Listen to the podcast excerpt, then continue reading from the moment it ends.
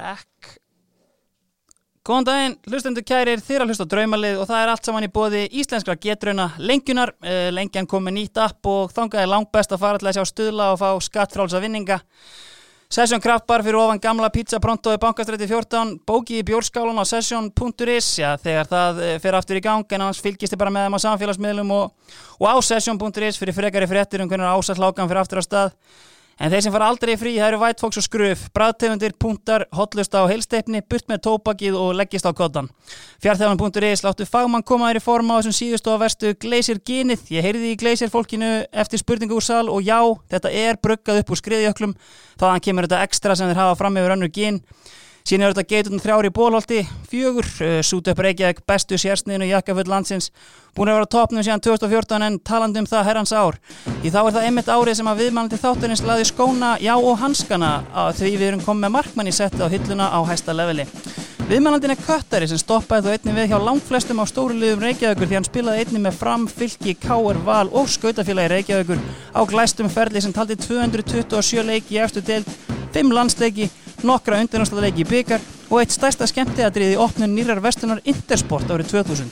Hann tók þátt í mesta gullaldarskeiði þróttara þegar félagi tók sinn stærsta titil þegar þeir eruðu prúðasta lið Peyamótsins árið 1989 á Akureyri og fór hann fyrir þessu mjög svo prúða liði sem besti markmaður aðliða á mótinu. Sigrætni heldu áfram að hrannast inn á næstu árum þegar þróttarar fóru til dæmis upp úr bjettildinni, sigruðu Íslandsmótið innan hús en eftir að hafa fallið þrýveis með félaginu saðan stopp og skipti yfir í stærri lið í leitað ögg stærri titlum. Þeir komið þó því meður aldrei en eftirstendur glæstur fyrirli í eftir deild á Íslandi sem flestir getur verið stoltir af.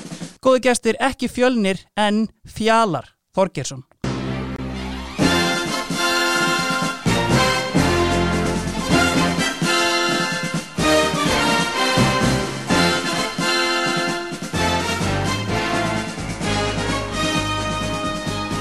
Blessaði fjall. Blessaður. Uh, sem svona mikið áhuga maður staðrendir. Einhverjar villur hérna sem að við getum pekað í? Nei, þetta var bara geggju kynning. Hefði ekki getað gert þetta betur sjálfur. Ég sa- Ég reynda vissi ekki að hérna Sútap var í flutt í. Í bólholtið? Nei. Nei, þeir sko sigruðu Vesturbæn og eru núna komnir í, í hérna bólholtið sko. Ég átti nefnilega, átti góða stundar hérna fyrir tveimur ára þegar ég fór að kipta mig jakkaföld þegar að ég var að fara að gifta mig. Já, Fór í mælingu hjá gaurunum. Man ekki hvað er hitta. Egil, vantarlega verið já. spíkspórandi um. Svo fór hann, fór hann að mæla hérna, ummálun á lærunum og bara, heyrðu kallið minn, hvað er í gangi hérna? Hægra lærið það er þremur sentimetrum stærra í ummálun en það vinst. Já, ok, ég vinn nefnilega sem markmarsjálfur og sparka bara með hægri. Já, nákvæmlega. Sko, hérna, en það er þessi intersport hérna opnun. Maður þetta þessu? Nei, þetta var sennilega eina sem ég man ekki eftir sem Nei. Komst með. Nei, þetta er sagt sko, þetta var hérna einhver ný verslun og, og þú áttir hérna að vera uh, á svona Q&A með fjallari. Já, ok, öruglega ekki einn maður mætt. Nei, nei, eflaust. Er það einhverju sem hafa haldið bara fjölnir? Þorgeir? Já, sennilega, ekki ólíklegt. Sko, fjallar, við erum í bóði Session Kraftbar, uh, það eru auðvitað erfið tímar, ríkistjórninni hefur tekist að skrúa fyrir legan á Session, ásatlákan hefur verið stoppið tímanbúndið en okkar menn eru þó pollrólegir. Uh, eins og ég segði að hann fylgist bara með því á session.is eða Facebookinu hjá þeim hvernig þetta stendur. Sko, fjallar, Session hafa mestur að spyrja út í þessa go-to staði sem leikmenn voru með á ferlinum. Uh, eða kannski bara svona, svona blöytasti búningsklefin sem þú varst í, var eitthvað svona sem að hérna, poppaði upp í hugan þegar ég neldi þessu á þig? Uh, já, það hérna voru hérna nokkuð tíðanbili í þrótti Já, sem að kemur kannski ekki óvart. En það ég vil meina líka þessi fylgifiskur þess að, að það voru daldi mörg tíðanbili hann í, í fyrstöldri þannig að Algjörlega. ég vil kannski bara kenna mótrænt KSI um þetta. Sem að voru og okkur gekk þróttur ennlega sigursælasta félag í fyrstöld á Íslandi Já. þó að gangi nú ekkit svakalega vel núna. Nei. En hérna þá, þá var það mjög oft hannig að það voru leikir á förstum mm endaði mjög oft með sigri. Já, einn móralskur, svo bara æfinga mándaginn já, hvert fórum menn þá? Þannig að, uh, er það bara ölver Sko- eða? Nei, jú, kannski beinta til leik að þá voru köttarnir miklu starra unit vil ég meina heldur en það er í dag. Svona, þetta var svona upphafs ár köttarana þegar Mhm. ég var að byrja þarna. Þá var, voru leikmenn í, í miklum tengslum við stuðnismenn og hérna og það myndaðist bara svona eitt unit og allir fóru saman á Ölver og fengu sér 2-3 eftir góðan seguleik Mm sko. uh, staðirnir, djamstaðirnir þá þegar ég var að koma hana ég var að byrja 94 þá var Mm. ég alltaf 17 ára, þá má, má maður alltaf ekki vera það, sko. þá voru kannski svona staðir eins og Astro Já, uh, það var náttúrulega var, var glergolf ég sá einmitt sko í hérna, heimildavinninu minni að hérna, þetta er einhver liður sem var í DFF uh, hverjir voru hvar eða eitthvað svoleiðis. Já. þar var fjallag Þorgeirs á Astró sko. Í alvörun Já, já, já. Við, það var staður sem að við sem að maður fór á hana minni mig svona 97-8 mhm. Uh, svo náttúrulega eru mín kynslu var náttúrulega kannski á hverfis og Oliver sko. Já, já, mín reynda líka þannig að allt saman fyrir til ringi en, en öll erum við á sesjón í dag. Já. Herðu, sko, ef við förum bara hérna beint í liðið uh, Við erum að hendi í svona fjóri, fjóri, tveir demantur einhverslas Já, og ég, svona þegar við byrjum nú örugglega þarna aftast sko, en, en hérna ég hugsa þessir, þessir hliðar miðjumenn í tíklinum væri nú kannski ekki sáttir við að vera kannski þarna, nei, en við komum að því síðar. algjörlega. Ef við byrjum bara á, uh, já, markmannstöðinni. Já, uh, það er náttúrulega, fyrir ekki það er náttúrulega erfitt fyrir mig að velja, ég var náttúrulega yfirleitt hérna markmann nummer eitt í þeim liðum sem ég var hjá, Já, en ég átti þann eitt múf þegar að dagar mínir voru taldir í árbænum, Já. þá hérna ákvað ég að fara í KR mhm, var með átti mér alveg vonir um það að reyna að slá Hannes út og það, það gekk ekkit, ekkit illa Nei. hérna hann fer lánaður út til Brann, hann eða Sannes Úlf minni mig frekar það getur enda verið Já, hann fór einhver tíma til Brann sko En hérna, já, allana, já, já það, það býtur ekki Nei. en ég fekk eiginlega svona bara fekk að spila þarna leikina á undirbúrstíma Mhm. og við unnur Reykjavíkumótið og við unnur Dildabekkarinn Mhm. og við mestara mestarana og gekk, þú veist það gekk allt eins og í sögu en hérna en hann var náttúrulega búin að vera hana, maður mótsins Já. árið á undan 2011 þeir unni tvöfalt Mhm. og, og hérna þannig að hann náttúrulega kom bara inn í liðið Já, já. Og, og ég myndi segja að það sé náttúrulega besti markmaður sem ég hef verið með Já, og það er einmitt svona, hérna ekki slæmt fyrir mig að vera á eftir honum þessum, þessum flóru sko. Þetta er einmitt sko skemmtilega því ég fekk sko gulla gull sem að hérna, neitaði að velja annað en sjálf að segja að hann hefði aldrei spilað með öðrum markmanni sko. En, en einmitt sko hérna, þú ferð einmitt eins og segir til Káir hérna 2012. Uh, árbæðingarnir búin að sækja Bjarnar Þórð einhvern veginn aftur í markið eftir að hérna, þú varst búin að grýta honum út í liðinu. Sko, var ekkert annað en Káir í boði á þessum tíma eða þú veist, varstu bara hérna, einmitt, þú veist, ég ætla bara að taka hérna Hannes út í liðinu. Jú, ég var eiginlega komin með annan fótinn inn á hlýðaranda þarna. Var í, var í sambandi við Freysa og, og hérna, Kristján Guðmu sem er nú, nú verandi þjálfari kona minnar. Og átti samskipti við Börk og, og hérna svo var ég hinum einn að tala við Rúna Kristins og, og Gumma Reyðas og mhm, Gummi kannski var var svona loka nikkurum, ég langaði alltaf að ég, ég hafði unni með honum í þrótti á sín tíma, mhm.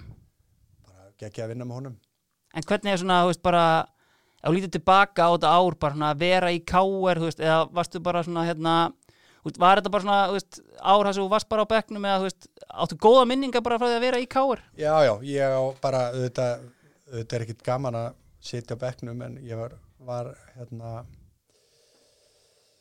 komin á þann aldur, ég var enda bara 35 sko á, mm á þessum tíma og taldi mig sem að, sem að ég gerði síðar að fara í val og spila sko Já. en hérna þetta ár var bara svona og það var hérna kynntist þarna á þeim tíma hvað maður að segja stærsta klúbnum á þeim tíma Mhm. Ká- hérna Rúnar var búin að gera þetta að, að miklu veldi og, og kannski gerði þau mistök eins og hann hefur nú eins og hann hefur nú sagt sjálfur í hérna gerði það nú bara í vittalendi fyrir móti núna Mhm. að hann hafi kannski sótt sér ofmarga leikmenn. Já, og það voru alveg tveir menn það voru hann að hann sótti Haukæðar Hauksson og var með Magalú fyrir. Já, uh, sótti Þorsten Má sótti Alla Sigurjóns. Þetta var alveg risastór hópur þannig að það voru alveg góði leikmenn upp í stúku hvernig leik. Uh, ég fekk að kynast í að vera að vinna titilana já, þó að við hefum ekki, það ekki gengið vel í, í deildinni ef við unnum byggarinn og mhm. Það var frábært að fá taka í því Algjörlega. Sko, við förum bara hérna, alveg aðeins aftur. Út fættur 77. Uh, ert úr þannig séð svona þegar maður horfir á yngri landsliðin, þetta er svona, veist, þetta er promising árgangur og hérna góður árgangur og kannski hérna einmitt fyrir neðan þig 78 er Eiður Smári var hann alltaf svona úst, áberandi bestur á þessum árum er líka Andri Sigþós til dæmis hverju voru svona úst, standouts hérna, svona, þegar þið voru yngri Já, hérna, sko, jafnaldurum mínum ef við tölum um tölum um sendera, þá voru Andri Sigþórs og Þorbjörn Allir Sveinsson Mhm. voru, myndi ég segja, þeir bestu. Mm. Eh, Valur Fannar var með mér í mörgum landslýshópum og átti síðan eftir að spila með mér hana í allan tveimur liðum í mörg ár. Eður Smári spilaði eitthvað með okkur en var yfirleitt að spila hana fyrir ofan. Já, já, já, uh, Haukur Ingi hann er endar yngri spilaði með okkur Mhm. Jói B.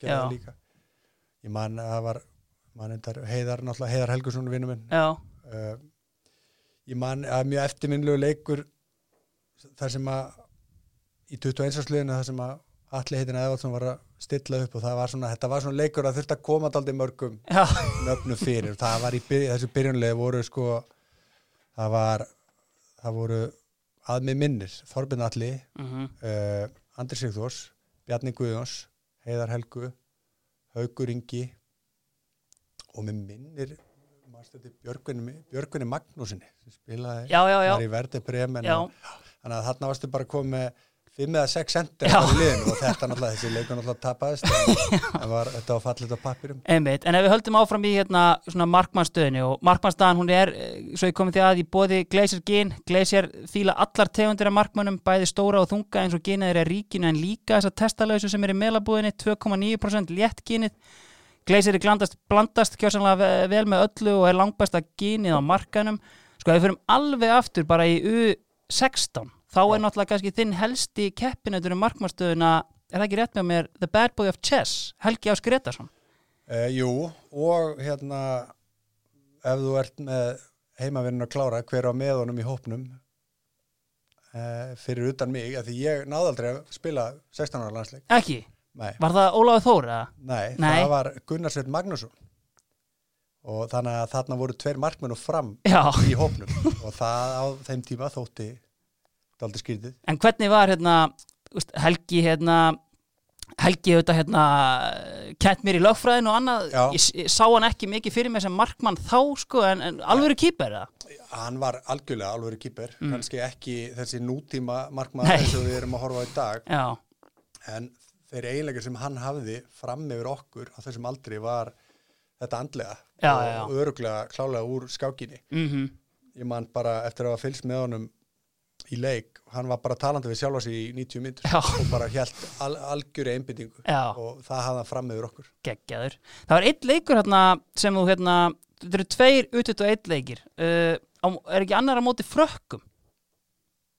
uh, býttu nú við, annar var á móti jú, er það ekki, úti Já, það er 2-0 2-0 úti Já, einmitt. Það er einmitt sko að því að ég hef séð, úst, í minni heimildaleit hef ég sko fundið marga svona frakkaleiki en, en þetta er fyrst skitt sem ég finn leikskýslu og þarna eru sko William Gallas, uh, Willi Sanjól, uh, Big Sly, Mikael Silvestri og Freddy Canute. Uh, áttu einhverja minningar frá þessum leika?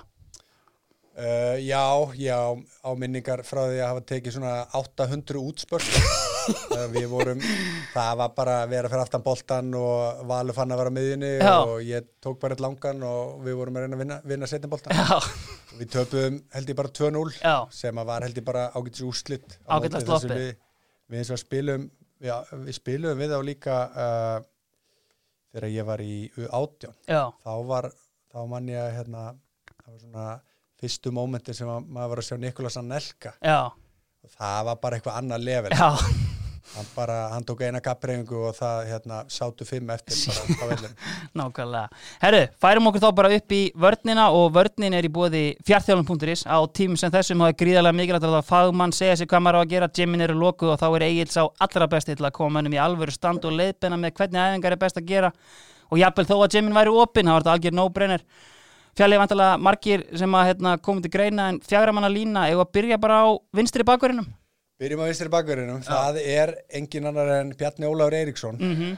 uh, fekk að að kynnast honum bara no nokkuð seint á mínu ferli mm, og bara annan eins atvinnumann bara hef ég, ég valla kynst Mm. algjört vélmenni og þvílitt góður í fótbolta og Mhm. hérna þegar menn ge, munu gera upp þessi þessi ár Óla Jó með valsliðið að, að þá er hann ansi stór þáttur í að vera arkitekt af þessum titlum Alveg klálega.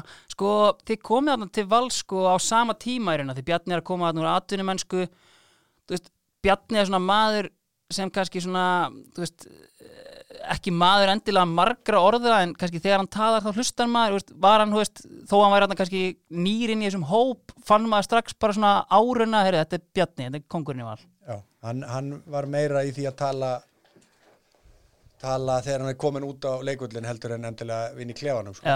Og, og hérna og í rauninni bara einn af þeir sem stýriði liðinu inn á vellinum. Já, algjörlega og ekki kannski endilega auðvelt úr vinstri hann, og maður sá þetta ennþá betur þegar maður var farin að þjálfa í liðum á mótunum. Já, já, já. Þessu rosalega mikilvægur hann var. Mm Sko, meirum valstíman á eftir en í vinstri bakgrunnarstöðunni ég ætla að staðfesta það að í einhverju 200 miljónar krónar húsi situr sár og svektur lögmar að hlusta hérna.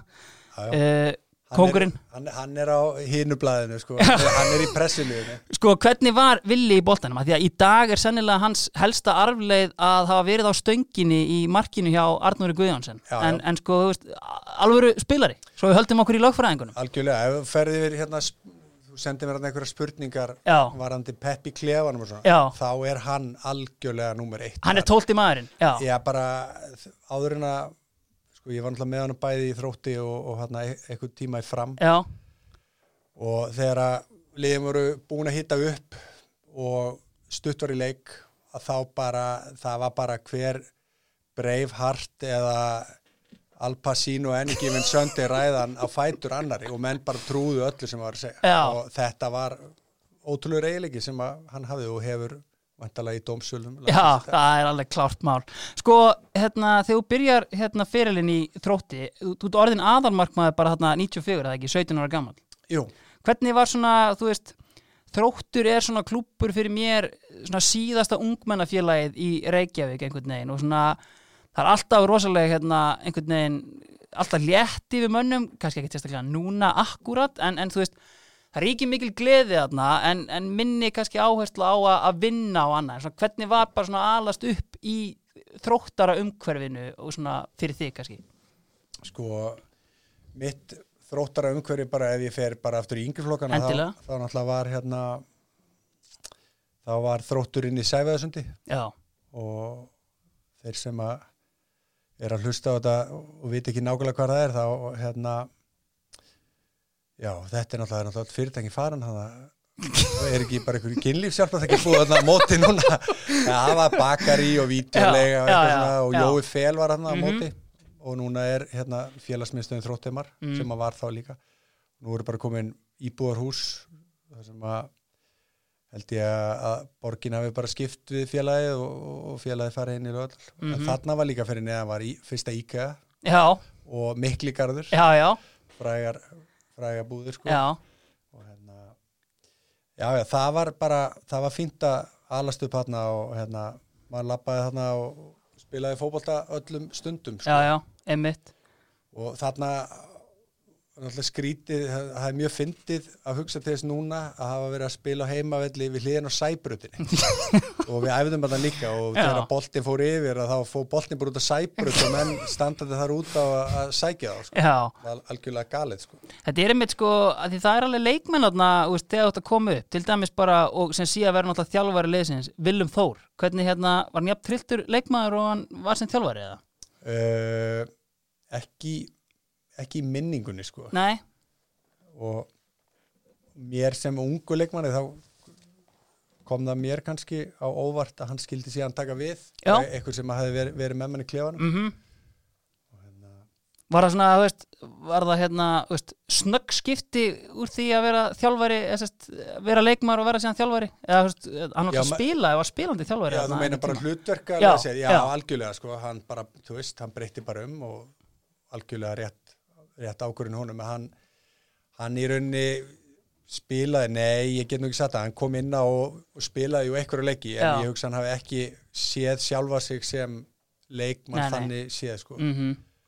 en það var alveg ljóst frá fyrsta mómenti hans í þjálfun í hvað stemdi ég, ég man eftir að við maður hérna þjálfarskiptið hérna Gústi Haugs sem hafði þjálfa liðið í 94, 5 og 6 Mhm. og ekki gengið að, hérna, koma liðinu upp. Hann hverfur á brauti Norex og hérna, þjálfa þar í, ne í neðri deildum á norskri konu sinni. Já, og Viljum, já hún var endar ekki að þjálfa með það var ástæðan fyrir að flutta út. Og Viljum tekur við liðinu og, og þessi gömlu góði innanúsmót það byrjaði hana fyrir áramót Reykjavík móti innanús þar sem að var yfirleitt bara svona jolly feelingur. Menn að hittast eftir, eftir pásuna og spila innanúsbolta okkar maður var nú ekki alveg á sama máli sko, við töpuðum einhverju leik og eitthvað menn Þetta var þetta ekki spila bara með jóla ný jú, ég held það alla, eða, menn já, bara með jólasteikina Já. í, í buksna undir buksna, buksnastrengnum sko. og hérna við töpuðum einhverjum leik, fyrsta leik og svona, svo bara kallar hann okkur klefa og eitthvað svo sittum við hérna niður og kallin byrja bara að öskra á okkur bara í tíminn við bara hvað er í gangi þannig að þarna var hann byrjaður að, að, hérna, leggja línunar já bara leggja linnar mm Mhm. að, þetta væri, það væri ekkit engin jolly feelingur lengur. Algjörlega, síðan sko ég held að þetta sé eftir tímabilið hérna 98 uh, þá, uh, þá falliði úr hérna eftirdeldinni og ég fann hérna grein þar sem að talaði um sko að þú sért bara fara til Bretlands. Uh, í rauninni bara þetta er ekkit auglist veintan en þú ert í rauninni að tala um það bara að þú ætlar að reyna að finna þér einhvern annars eða þriðudelda klúb Mást eitthvað eftir þessu? Já, eitthvað lauslega. Við vorum þarna 98 spilaði með Tómas Inga Tómasinni sem að við komum kannski að betra að eftir. Já. En Hann hafði þá uh, verið í samskiptum við einhvern umbásmann Mm sem að hafði einhvern augastað með mér og Ólafi Þór Gunnarsinni sem þú nefndir á hann sem þá markmaður í ég Í er og hérna já, við fórum eitthvað á eitthvað eitthvað flagg, eða flagg, ég fór enda bara til einsliðs Lincoln City, Já, þetta var alveg hræðilegt sko. hann fór í eitthvað Br- Bristol eitthvað. Já, já, já, ok. Hérna, En það var ekkert meira bak við þetta, ekki nema bara þessi spottaði eitthvað, heyrðu þið farið út og eitthvað Já, hann var rauninni sem sagt það var kannski, að sem ég svona kannski reyna að spyrja líka, veist, hvernig var svona, veist, mindseti hjá þér einhvern veginn svona á þessum tíma, veist, varstu, voru miklu draumar um atvinnumennsku? Já, algjörlega sko það, það sem að kannski það sem að það sem þessi drengir náttúrulega hafa í dag er að þeir hafa guidelines bara frá kannski of mikið guidelines Já. í dag en maður er svo ég kannski kem ekki úr íþrótta fjölskyldu og er ekkit með var ekkit með þannig sko ráðgjöf. Uh, þannig að eins og þetta kom upp og, og hérna einhver umbóðsmaður sem að með einhverjum kontötum þekkti Tómas Inga og, Mhm. og hérna og náttúrulega bara gjössalega fáralegu staður að fara á. Þetta voru í alla staði Herri, jú, jú, ég hafði, ég hafði alveg drauma, drauma um það sko Já, emmitt.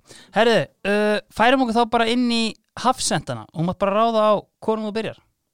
já, þeir koma reyndar koma báðir úr árbænum, ég skal velja bara byrjum bara vali fannari gíslasinni Einmitt. sem er svona, hann er svona einn af mínum svona hvað maður að segja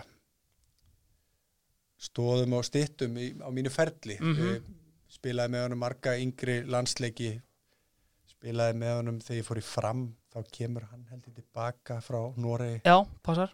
uh, og er svo keftur yfir í fylki Já, og ég fer síðan til fylkis og þar hi- hittustu aftur í neði, hann reyndar fer í val í millitíðinni svo, fer hann ekki, sko, hann fer í fylki, síðan fer hann í val í eitt síðan og fer svo Já. aftur í fylki. jú, það stemmir sko Já. og þá hittust við þar sko Mhm. og hérna ótrúlega tröstur náungi og, og hérna og líka bara gott að hafa einn drullisokkin á völdunum og hann veit alveg sjálfur bara taka eina tæklingu fyrir liðið og bara hugsa sé ekki margi sem hafa voru alveg bara æstir í að spila mótunum Nei, það er alveg klárt mál. Sko, þetta er auðvitað maður sem var á samningi hjá hérna, Arsenal Já. og bara hérna, eins og úst, kemur inn á, þetta er bara mikil smeti maður í eftir deild á Íslandi. Sko, hvernig hérna, en þú veist, Arsenal aspektið er eitthvað svona sem að maður eins og ég kannski lítið tilbaka og bara, þú veist, ha, var hann, þú veist, þetta góður bara á þessum aldri sem hann fer hann út?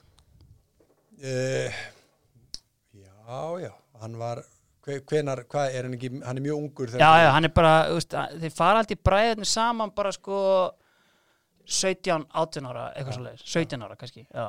Já, já, ég meina þeir eru bara ungi leikmenn sem að stór lið pröfa hvað maður að segja, í ykkur x ára og svo ef það, ef það verður eitthvað úr þeim að þá er Mhm. það bara bónus sko Já, já, algjörlega. En fyrir þá bara í hérna í sísonið hérna hjá, eða sísonin hjá fram. Sko, ég rætti þetta aðeins hérna við Sigurvin Ólaf sem vildi mest lítið kannast við þessi ár sín í fram einhvern veginn. En sko, hvernig hérna, að því það er greinilega mikið púður verið að leggja í fram á þessum árum einhvern veginn. En í rauninni er niðurstaðan alltaf bara svo sama þetta þægilega áttunda sæti, eða þægilega ekki þægilega. Hvernig er svona hérna, hvernig ertu sannfærður um að fara í fram? Sko ég fer í fram uh, þá er ég búin að spila hana hvað, 94, 5, 6, 7 fara upp Mm með þrótti spi, uh, fara niður 98 og svo spila eitt sísoni fyrstu deild -hmm. og hugsanlega hugsanlega hefði maður átt að fara fyrir ef maður hefði algjörlega bara hugsað sjálfa sig en, Mhm. en svona var þetta nú og þannig að ég fer hana hvað, haustið 99 Passar, ég, já. og en, uh, þá er ég bara 22 ára sem er ekkit eins og góðum að segja, engin aldur fyrir markmann. Nei, þannig að og fram er bara er, er bara, þeir eru bara mjög stórhuga. Já, og þannig stofnar hlutafélag já. sem að bæði fram og hvað var það, káar, eða ekki?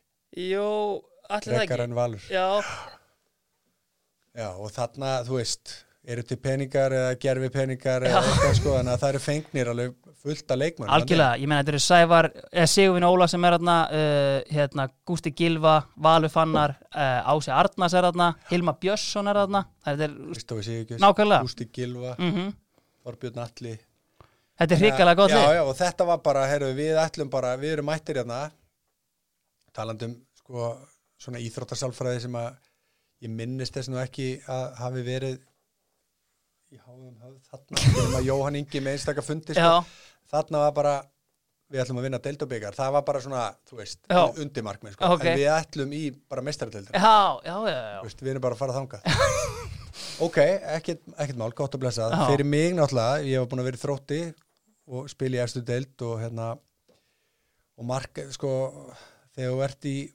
félagaleit sem markmaður þá er þetta alltaf svipað eins og að vera þjálfari af því að það þarf í rauninni bara, það verður að vera eitthvað plásslöst fyrir þig. Ég skil.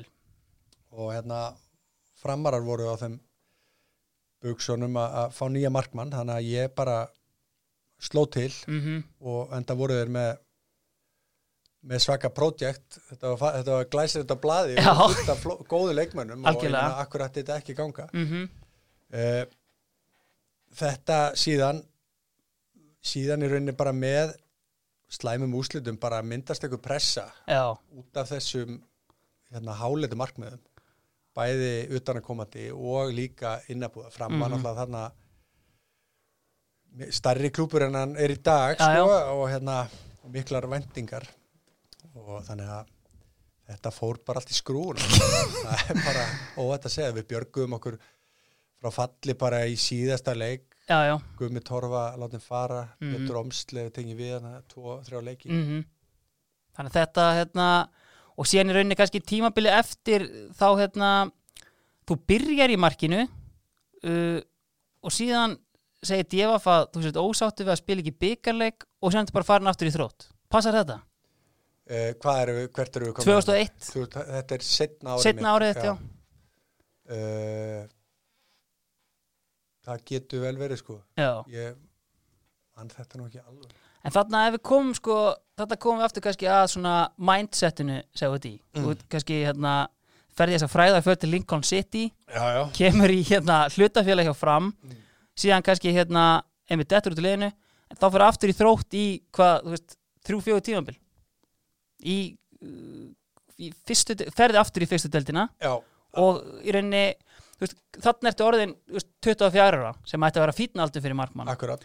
Veist, var þetta þá eins og, og kostin á hann kannski alltaf bara erfitt sem markmaður að finna klubb eða, Uh, sko, eða bara ánæður í í, þrótti? í fram, sko, þau eru konur þetta setna árið, þá er rauninni bara, hérna, var ég nú bara farin að finna það að þetta væri bara ekki dæmi fyrir mig. Já, og þarna þeir voru farinir að e, átt að segja því að þeir áttu kannski ekki, ekki alveg að mikið penning og hérna, þeir lögðu upp með þarna árið, árið undan og, og hérna farinir að koma heimamönnum inn sem var bara líklega rétt ákvörðun. Mhm. Þarna er e, maður sem við tölum um á hann, Gunnar Sveit mhm, og hérna, hann var hann að beknuða mér og er síðan farin að spila leiki og, og ég sé svona alveg bara í hvað stefnir. Já, já, og ég man að ég átti inni líka eitthvað, eitthvað summu sko. Já, þannig að það var bara leist þannig að ég fór í þrótt og mér langaði alveg rosalega að spila fyrir Geira L já, já, sem var þá verandi þjálfari þróttar. Mhm, uh, þróttur var þá með alveg nokkuð spennandi lið í fyrstildinni þá er Geiri tekið við árið á undan og rétt haldið liðinu frá, frá falli. Mhm, já, og upphóst bara nokkuð spennandi, spennandi tími hjá þrótti. Algjörlega. Hver er hinn hafsendin með val? uh, þetta var þetta var alltaf erfitt sko. Ég, hérna þessi maður spilaði bara með mér eitt tíðanbill en það var alveg ljóst í hvað stemdi mhm, þegar að hann spilaði hann fyrir frammi. Mhm, það er hérna Ragnar Sigursson mhm. Mitt fyrsta ári í fylki 2006 Mm. þá er hann hvað er hann? Tvítur, hann 86 mótil Já bara fljótur, hafði verið miðjumæður hann var góður á boltan Hann var komin að í hafsendin þarna því ég mitt man hann var miðjumæður en þú spilaði með hann þá hann komin í hafsendin Já. já, þannig að, já, ég hef hann þannig, ég er endar með Ertu, erum við farin að tala um varamennina? Við getum alveg gert það, ég, já, meina, já, ég var með til dæmis annan mann í fylki Kristján Valdimarsson sem Já. að Svo hljópst þarna nokkur sem Já, já, ég róta hann tvisvar bara á einni viku held ég. Hann átti það alveg inni sko. en hérna hann sko, hann er í hjarta varnarinnar þessi tvö tímabil þar sem að við fengum á okkur mjög lítið að mörgum Mhm, þannig að hann hefði í raunin alveg geta verið þarna líka. Mhm, einmitt. En Raggi náttúrulega, þú veist áttan fyrir sem að hérna, það er svo sem ekkert að kynna hann eitt sérstaklega. En þú veist, Albert Brynjar sagði við mig að hérna, hann er einhvern tímann, sérst, Raggi er sagt við hann sko já, þú veist, nú verð ég bara frá að taka mig á hann þess enda ég sem spekveitur pókerspilari þannig að hann hefur alveg verið komin, þú veist, þegar þú kemur inn í fylki í þetta mindset bara, þú veist, nú ætlum ég að, þú veist, ég er að leiðin í aðdurum, sko. Já, hann er náttúrulega með ég er endar, var ekki að reyna að komast inn í hausin á hann þannig að það sé, það sé erfitt en þú, þú sást bara sko líka bara eins og maður hefur séð núna sem þjálfari bara svona ákveðna yfirsýn yfir, yfir leikmenn og ákveða aldrei er eru og, Mhm. og hérna í hvað stefnir þarna bara með tvítuangur með þessa náttúrulega hæfileika sem eru hraði og svo náttúrulega það sem hann hefur hafði lært með því að vera á miðjunni að vera mikið með boltan á Mhm. fótunum og, og hérna og bara frábær í því líka Já. og maður sá þetta bara þarna Mhm. bara hvaða liði er að fara að pikka hann upp algjörlega, gerði síðan hann um haustið einmitt var hann kokki inn í klefanum? Já, þeir voru það, þessir 86 gaurar hann, hann Já. og Albert og, og fleiri sko en einmitt þú ferð hérna eftir þessi ári í, í fylki hérna, nei eftir þessi ári þrótti ert komin í fylki haustið 2005, eða þetta er þetta dregst eitthvað, þetta er náttúrulega ákveðin transfersaga sem er þarna varstu reyður út í þrótt svona einhvern veginn að, hvað þetta ætla ekkert að ganga og þú svona búin að leggja inn þitt og rúmlega það fyrir klúbin og veist, vilt síðan fara Ég var örgulega reyður þá Já. en nei, ekki núna Nei. Jú, ég meina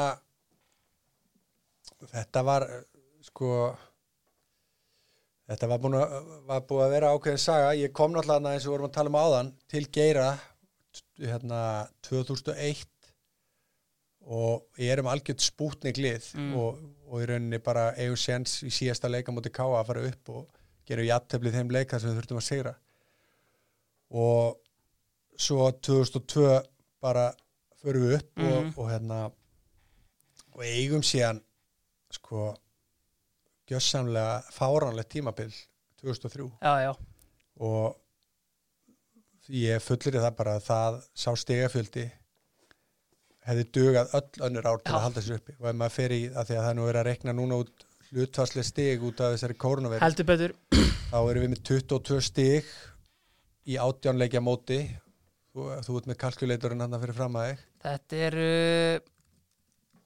Þetta eru 1,2 stig í leik 1.2 stíl leik Já. og ef þú gerir það sinnum 22 og bara við umregnum þetta yfir í það sem er í gangi núna Já, það eru 25, 6 Já, stíg eitthvað einmitt, svoleiðis. það passar þannig að þú veist ef við horfum á þetta núna og ég meina við unnum einhverja 6-7 leiki 7 leiki Já. minni mig Þeir eru náttúrulega á toppnum bara eftir fyrirumferðina Já. Hvað er það sem gerist þarna við það? Já, ég rauninni gerist ekki sko, jú, við erum á toppnum og fyrir niður, Mm. en ef að minn horfa á ef þú horfið bara á loka stegatöflu mótsins, Já, þá vinnur K.R.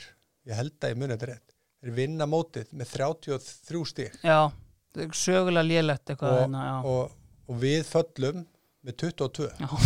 Og ég held meir sér að K.R. hafi bara verið með eitt eða tvö mörg í plú já, þetta, þetta var já. þetta er í söguleg sam samingi Já. er þetta bara gjössalega fáral þannig að bara, mér, mér finnst sko þegar ég horfið tilbaka og, og hérna nú hef ég, var ég hérna í stjörnunni í fimm ár og, og mér finnst þe- margt mjög líkt með þegar þróttur fóru upp þarna Já, bara varandi stemningu og andrúsloft í, í klubnum mhm, og síðan það sem var í stjörnunni. Munurinn að sá stjarnan fer upp hvað, 2000 og, hvernig fyrir Bjarni? 2008 eða átta, eitthvað. þeir eiga held ég bara ef við tökum stíin og allt þetta bara ekkit ósvipa tíðanbill Já, einmitt. Sko eiga frábara byrjun mhm, og eru með skeiðina með sér og allt, Mhm. ba, allt í blóma sama og við vorum með sko.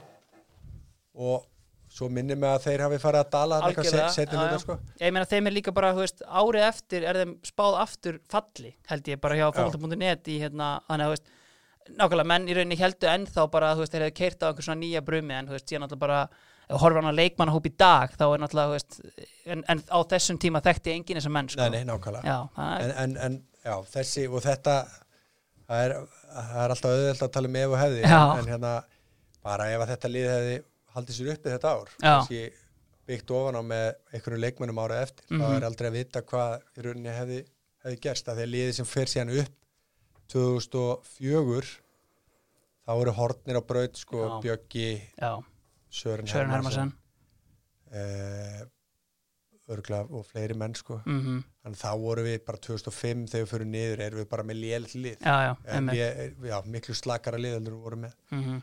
En spurningi var hver? Við, Upplifður svona kaldar kveðjur frá Já, kalla þrótti? eh, nei, nei, maður veit alveg þú veist, auðvitað, við, þú veist félag vill náttúrulega bara hafa góða leikmenn og þá leikmenn sem þeir vilja hafa. Ef, Mhm. ef ekki, þá vilja náttúrulega bara fá pening fyrir það. Já, já, og þetta var bara einhver, einhver svoleiðis rimma sem að síðan gekk á endanum. Algjörlega. Og ég meina svona árein bara í fylki og svona, krifum þetta kannski meira eftir en þú veist, heilt yfir, þú veist er mikill fylkismæður í þér? Eh, nei, ekki þannig sko, mér finnst alltaf, mér finnst geggja að koma þarna Já. og spila og hérna, ég á marga mjög góða vinni. Mm Eh, jú, ég ber alveg tauga til fylgis sko, Algjörlega. en ég myndi ekki segja að vera dag sko. Herru, hver slöifar vörninni hérna í hægri bak? Herðu, ég sendi á þig ákveði lið, ég ákvaða að breyta það síðan stundu Ok. og þar hendi ég inn hérna, fastegnasalunum Magalú. Já, ok. Uh, Ég held að þú sért, þú ert ánægð með það. ég er ánægðari með það sko, minna, hérna Lú á náttúrulega hérna sinn valsferil og hérna en auðvitað hérna grótaru káeringur, þú náttúrulega hann er náttúrulega hérna í káur 2012 líka þegar þú þar og sér náttúrulega spilar að setja með honum í Já, val og hann er líka Í Þrótti, þrótti 2005 auðvitað. sko, Já, þar veist. kemur hann sem center Það er rauninni glórulegt, sko, þú ætlaði náttúrulega að hafa hérna eh, manni sem Maggi Gilva sótti í val á sínum tíma, James Hurst Já, Eh. það, það er bara það er svona þar maður oft bara að hérna, telli på tíu og hann og fara yfir hlutina sem að ég og gerði og Já, ja, hann reyndar átti það ég held að það sé saga að hann hefði verið tekinn tvisar hérna, sama sólarhingin ölvarundi stýri það kom þér ekkert á óvart nei, nei, Nei. ekki þannig en frábær, Frábær leikmaður, og hann, hann hefði geta gert hérna gert miklu meiru sínuferli Mhm. það er ljóst Sko, Maggi Lú, sko er hann strækið þegar þú ert með honum í þrótti eða? já Hvort fílar hann betur sem vardamann eða sem strækjar? Eh, ba- hægri bakvarastæðan henda honum frábælega mm að vera svona, þú veist, með vorum að tala um rakka á þann með eiginleika miðjumanns. -hmm. Maggi Lú kemur heim sérst árið áður en ég kem í Káar þá kemur hann frá Noregi, Já. er það ekki rétt? Jú, og þá er hann búin að vera í einhverjum norskum skóarhlaupum, alveg gjössalega í besta formi lífsins. Ok. Og hérna og á, á frábært tíðanbelðan 2011 þegar þeir vinna tvöfalt Mhm. og er síðan í bakverðinum árið eftir þegar ég kem. Mm svo er hann komin í Hafsend Já. þegar ég kem í val. Einmitt. Og hann hafi nú held ég að hann spilaði nú einhverju leik í bakverði Já, var, en þetta er rétt sko, hann var mest í hafsendunum þarna hjá Magga Gilva sko. Setna, sérstaklega setna Já, einmitt. En einmitt þarna, já með Bjarta Guðjóns þetta daginn sem talaði um svona einmitt svona þú veist, svona standardin sem að Maggi Lú hérna setti á veist, æfingum hjá Káir hann veist, neita að vera með ákveðnum önnum í sendingaræfingum og annað uh, bara að því að hérna, hann vildi hérna, hafa ákveðin gæði í hérna, sínum æfingum, var þetta veist, eitthvað sem þú upplifið líka, bara svona gauður sem settist mikinn standard? Já, maður náttúrulega kannski upplifir ekki allt svona sem markmaður æfa með þessu gæðum þar sem maður var, var kannski með markmaðurstjálfur Já, Ei, ég meina, Maggi talaði bara íslensku, bara ef hún líka ekki eitthvað, þá bara sagði hann það. algjörlega. Herri, færum okkur þá bara hérna upp á miðjuna. James Hurst, því líka meistar Herri, en hérna, miðjan er í bóði White Fox og Skruf, töfrakottarnir frá uh, þessum fyrirtækjum uh, byrjar að bylta öllu í kringu knatspilluna frábært að sjá alla hægt að losa gamla ruttan í vaskin og allir með settlegu kottana hreinlæti, gæði, fagmennska og stert kick uh, miðjan þetta er eins og komin á hann þetta er svona ákveðin demantur uh, voru bara ekki nóg með margir kantmenn sem á sem þetta datt í hug eða Uh, að mínum ferli, nei, ekkert alltaf margir, sko. nei, Það var hérna, það var helst kannski Simi Kristjáns Já, áður en- kóngurinn. áður en að fór út hérna í aðdurumörskuna til, til, til Hollands. alvöru hérna þú veist, promising talent þar á ferðinni Já, algjörlega. Ég man góða ferð þegar við fórum, kerðum 2001 á Siglufjörð og að spila í fyrstöldinni þá hérna, þetta er fyrir Facebook tíman sko. já, þá er hann hérna með með væntingar um að fara út sem atvinnumæður Mm. og það er eitthvað í gangi hjá honum og við vissum það allir og ég tók síman hans þegar hann sopnaði í rútunni og tók eitthvað hvað skrifaði ég? Ég er að fara að skrifa undir hjá Everton á morgun. Broskart og send to all í síman og hann var hérna hann þurfti að vera að svara fyrir þetta alla rútuna á leiðinni heim, hann var ekkert allt og sáttum en nákvæmlega byrja þá bara hérna á, á miðjunni, kannski bara djúpur á miðjunni, taka djúpa Já. mér herru, það er Haukur Páll Sigursson emitt sem er uh, núverandi samstarfsfélagi minn Já. og hérna, spilaði með mér. Hann var að koma sem ung dýr upp í, í þrótti þegar ég Mhm. var þar og, og svo hitti ég hann fyrir í val hann að setna mér mm bara eins og þessi fylgjast með boltanum í dag vita, þetta er náttúrulega bara stríðsmaður og, Mm. og hérna alveg eins og örgulega svipað mikilvægur og Bjarni Ólafur í þessu liði Óla Jó -hmm. og við rauninni er það enn þann dag í dag Mér finnst einmitt svona, það er kannski bara svona nýverið komin upp svona kannski svo virðing sem að haukur uh, svona, sem mér finnst hann eiga skilið bara sem fótboltamaður en ekki bara, veist, auðvitað er hann þessi stríðsmaður, ég meina það þarf ekki en að horfa á tíu myndir leik og hann er sennilega búin að leggjast tvisvar út af einhverjum styrluðum tæklingum. En þú veist, er hann er þetta ekki alltaf vælari líka sko en þú veist, er ekki, þú veist, eins og þegar hann er að koma ungur sem vilda dýri, þú veist var alveg bolt í honum þá eða er þetta eitthvað sem hann hefur þróað kannski meira á í setni tíð? hann, hann spilaði hann, sp- hann var meira hérna, fremst í miðumar mm. -hmm. komið, þannig að hann var að nýta, nýta þessa miklu hæfileika sem hann hefur ennþá í dag að skalla já, og oftar en ekki byggðist bara leikstílinn upp á að gefa hann upp á hann og, og menn unnu, unnu setni boltan Já. og svo ef að boltin fór út að kanta þá var hann yðurlega komin í bóksið þannig að hann er svona búin að færast færast aftar í þetta akkeris hlutverk. Mm Hefur komað þá bara inn á hérna, valstíman hjá þér. Eftir bekkjasittuna í KR uh, Maggi Gilva er nýttekin hann við af Stján og Freysa. Og þetta eru svona þetta eru erfið ár. Þarna er unni post-Willum, pre-Óli Jó fyrir valsara, það er endalust að skiptum leikmenn og mikill ólgu sjóur einhvern veginn. Er þetta eitthvað sem að þú fannst sem leikmaður vals, þú veist, að það væri einhvern veginn allt í einhverju svona hálgerðu volli einhvern veginn, eða var bara góð stemming hana? Já, já, ég svona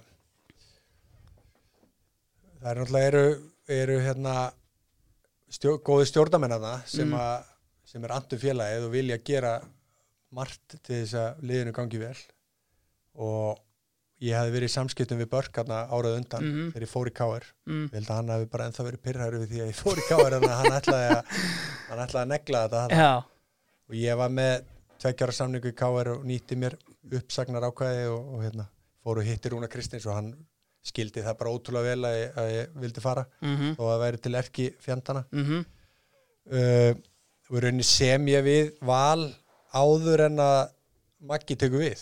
Já, já, þannig að svo er það bara borið undir hann sko. Já, já, já. þetta var svona voru við, sérst, valur, að verið þjálfara lausir þá þegar þú ert sóttur? Í rauninni, já, já, já, ok. En þú veist bara svona, þegar þú horfið tilbaka einhvern veginn svona, að því að þú veist það er góði leikmenn aðna en þú veist, einhvern veginn veist, klikkaði einhvern veginn eða, tímabilin byrja mjög vel bæði, sko, veist, ég meina Valur held ég 4-2-0 hérna á tímabili en, en síðan einhvern veginn kannski svona svipað með, með þrótt þó kannski ekki alveg sama standard það var svona fjarar undan þessu veist, var eitthvað svona, veist, kom svona leiði á miðjum tímabilum eða svona, hvernig var þetta? Var þetta 4-2-0 2013 Já, Já, ég meina ég hafði alveg tilfinningu bara að við getum farið allar leið Já. þetta ár sko.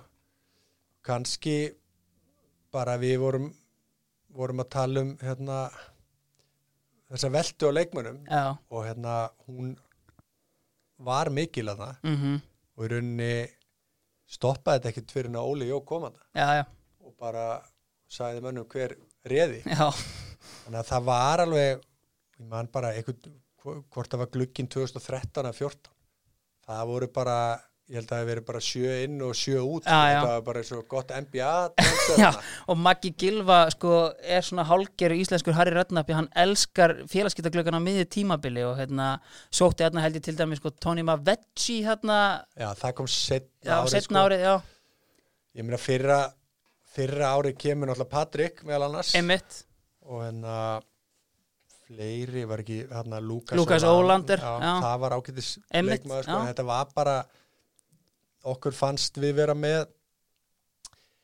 ég meina við vorum með góðan góðan kjarna af, af hérna leikmönnum og það þurfti svo sem ekkit svakalega mikið. Við vorum Nei. með Rúna Már til dæmis Mhm, mm já. við vorum með, vorum með mjög gott lið. Mhm, vantaði, það vantaði bara kannski smá stöðuleika bara Mhm. í félagið já, algjörlega. Herri, færum okkur þá bara í, ofar á, á demantin og mátt bara ráða í hvaða rauð þú tekur þetta Já, ef að fara förum í hægri hægri innri kallinn hann Já, já, það er uh, Ólafur Ingi Stíksson mhm, sem að ég spilaði með ég held að hann hafi verið öll árið mín í fylki já. Það er bara mjög líklegt, já, já. það er svona svipað með valfannar bara svona einn af mínum akkerismönnum bara mínu ferli sko. mhm, og erum, erum hérna, góði vinnir í dag. Mm, uh, miðjumæður náttúrulega er ekki, var ekki þessari stöðu sem að ég er að setja hann í þarna nei, var svona bæði átta hlaupa upp og niður og svo átta náttúrulega í erfileikum með, með hnið á sér. Mhm, þannig að hann var spilaði eitthvað sem svona holding Já, og líka sem hafsend. Já, og gerði það líka frábælega sko. mhm, þannig að hérna, já, bara svona kraft miðjumæður, algjör. Sástu fyrir þér að hann myndi svona, hérna, uh, feta svona þjálfarabrautina sem hann er náttúrulega að gera í dag og bara þjálfari fylgis. Var þetta eitthvað sem að, hérna, tókst eftir í klefanum?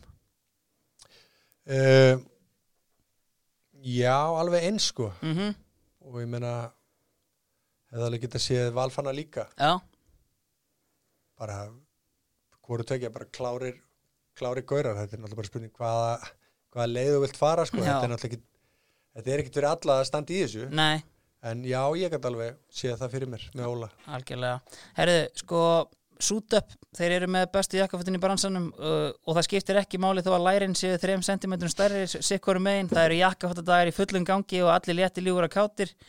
Jakkafötadagarnir eru til 18. oktober 20% off af jakkafötum. Sko fjallar var það einhver tíman sem þú lappaðir inn í búningsklefa á þínum ferli og ítrekkað kannski blöskraði klæðaburður uh, samherjana, kannski svona verst klætti leikmaðurinn frá, eh, samherjinn frá ferlinum. Sko, þegar ég hugsa þetta, ég get ekki sagt að ég hefi að, að það sé fersku minni Nei. en hérna en náttúrulega ég get nefnt Ólaf Þórðarsson Já, sem þjálfaði mig í fylki Já. hann, hann var náttúrulega með á æfingum já, ekkert, ekkert öðruvísi Nei. það, hann var bara í gömlum Asics galla frá Lín það sem það var sko í, í hvað var, 92 eða það var svona krumpugalli og svona blár og neon gulur. Og hann var bara í þessu. Svo þegar við vorum kannski þegar var eitthvað félagslegt þá var hann bara mættur í Adidas leðu eitthvað sinn. Þannig að er, þetta er svona það eftirminnilegasta. Já, það er, það er þessar flíkur. Algjörlega. En svona þessi tími í fylki, ég meina þú ert þarna 2006, 7, 8, 9, 10, 11, er ekki rétt hjá mér? jú.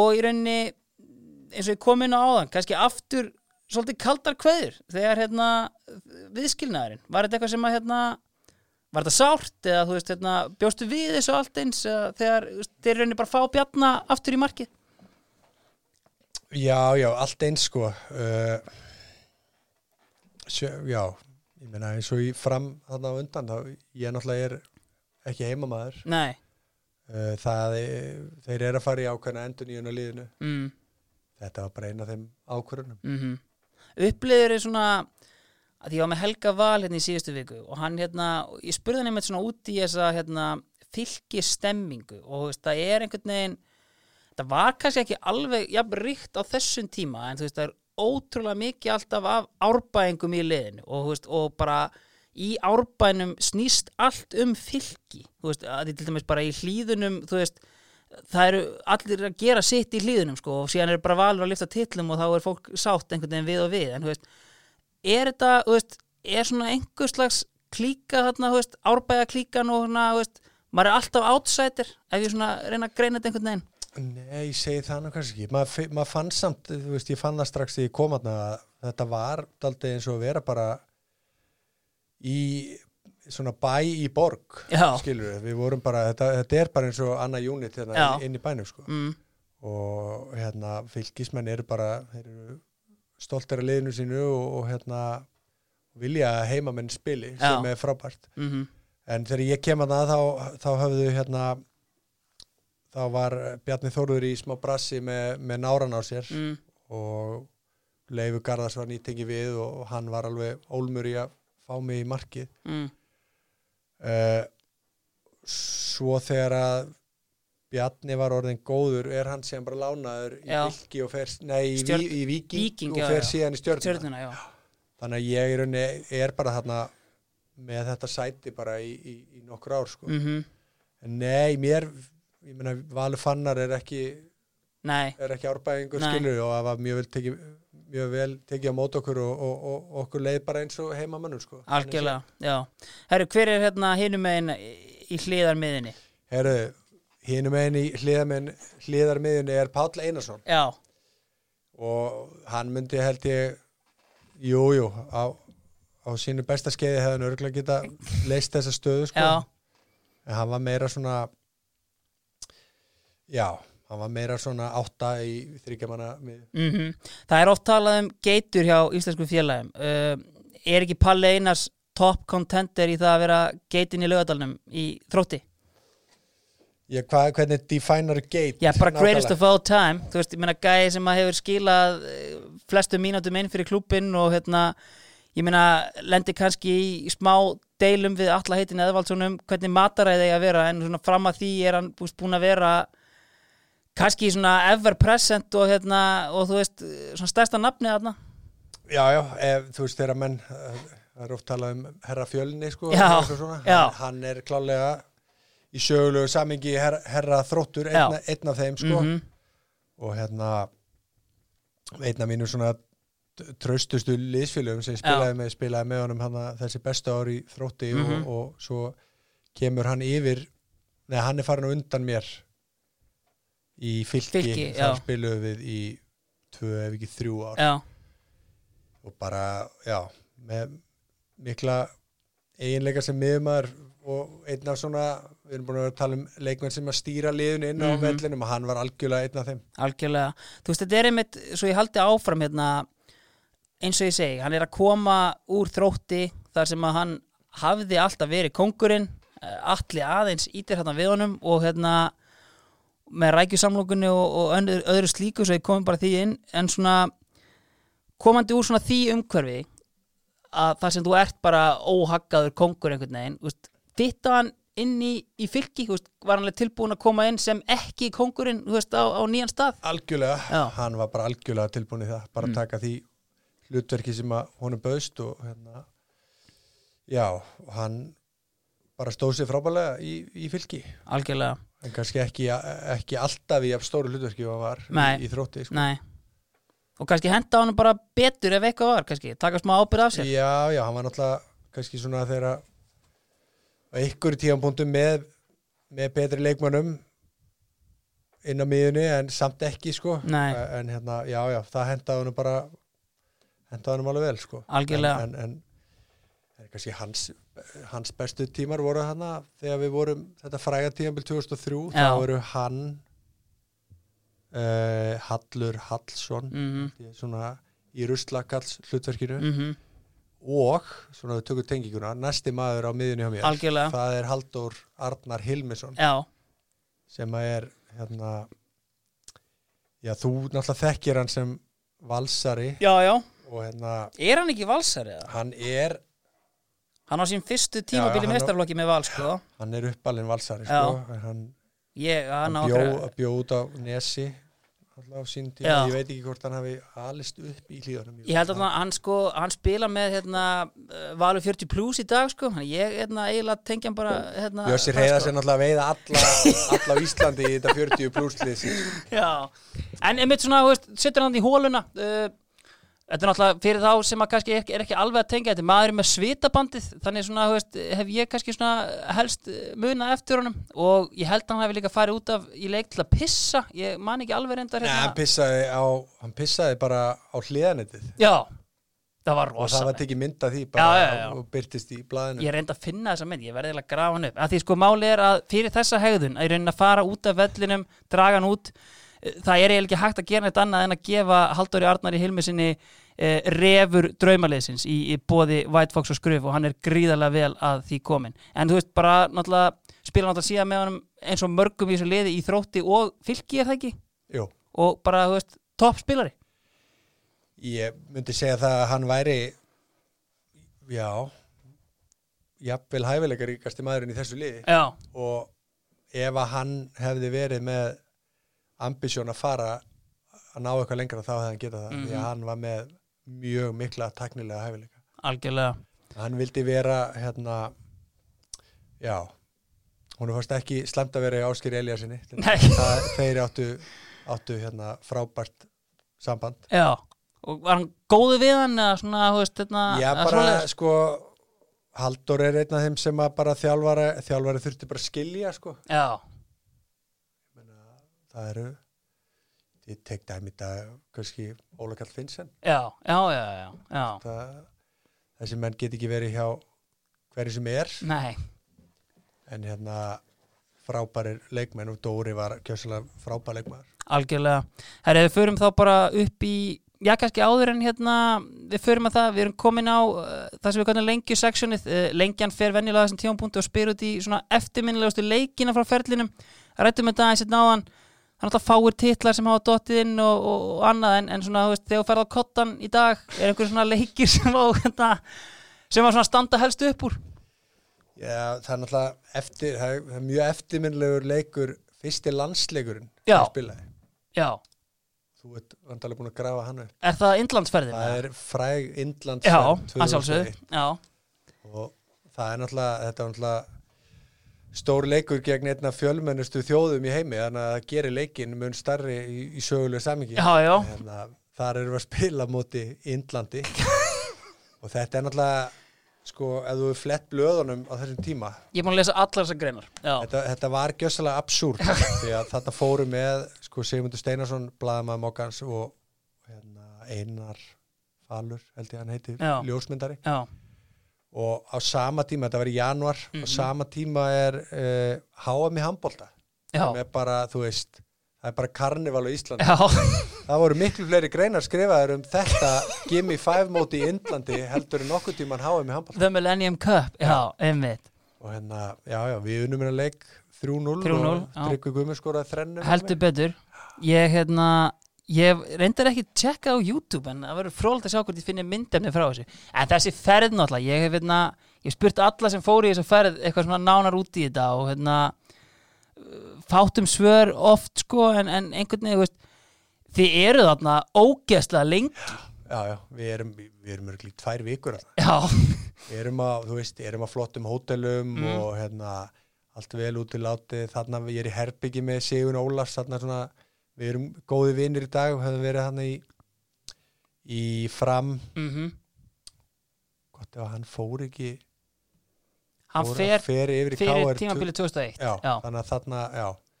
Þetta er sérst, það tímabil. Og svona, og erum, já byrjar okkar kannski svona vináta fyrir alvöru. Mhm. og hérna já, þessi ferð, þú veist hópurinn saman, eitthvert að skoða eitthvað töframann með flautu að blása snák upp úr bastkörfu, skilur og það kom að sjálfsögum mynda Já, þessu í, og þú veist Gulli Jóns inn í mátuna klefa að máta eitthvað þjóðbúning indir þú veist, frekar en að frekar en að skrifa greinum að Ísland hafi unnið eitthvað leið að hafa með handball en þú veist bara góða minninga vantilega já, já, þetta var bara mjög góða minningar. Þetta var í mann, sko til að lýsa í hversu mikið Gimme 5 mót þetta var, þá var hann að ég held að það hafi verið í Indonesia. Já, þeir mæta til leiks og, og, og er ekki með reglutar á hreinu. Að hérna þeir held að þeir ætti að velja lið, úrvarslið út deildinni. Já. Þannig að veist, þeir, þeir mátti ekki vera með. Ég las þetta mitt og ég svona, veist, ég eiginlega trúði ekki því sem ég væri að lesa, sko, en hérna, já, þeir voru með leikmenn sagt ekki frá einmitt. Og, disqualified og ennett tvöfaldar vaffið í, í bókina hjá Íslendingum.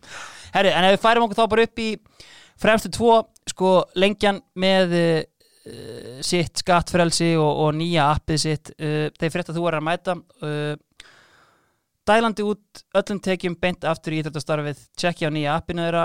En einar á lenginu hann heyrði í mér og sá þessa framherja sem varst með á blaði sagði já, þetta er flott en tölum samt um alvöru leikmenn. Uh, komst inn á Tómas Inga Tómasson aðan sem að hérna sem mætti hann í þrótt 98 og raðaði inn. Já, hann raðaði mörgum Já. og hérna þegar þegar við tölum um sko hinn hinn þáttinn úr klefanum. Vili Vili Vil var með, var með peppið. Já, það var svona Tommy einn af þeim finnustu já, sem að ég hef verið með. Mhm.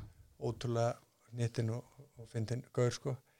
Hann átti bara veist, það var bara allt inni hjá kallinum. Þannig að við skora 14 mörg í 18 leikjum hjá liði sem að finna niður Einmitt. sem er náttúrulega ég held alveg potið það sé met sko, Já. já, það var bara allt inni hjá hann sko. Algjörlega, en þú veist, einmitt, þú veist bullandi hæfileikar eða þú veist, þegar, þú veist, hann var náttúrulega ágætlega gamall þannig að þú spila með honum með hann er 28, 9 það, Tommy var svona uh, gatirunni gert allt. Já, hann gætt postað upp, fengið hann haldið boltanum, hann gætt verið inn í teg og skallað, hann gætt skotið með hægri og með vinstri. Mm, uh, hann gætt spilað þrýðninga kannski ekki svo fljótasti Nei. en þú veist, bara frábær sender algjörlega.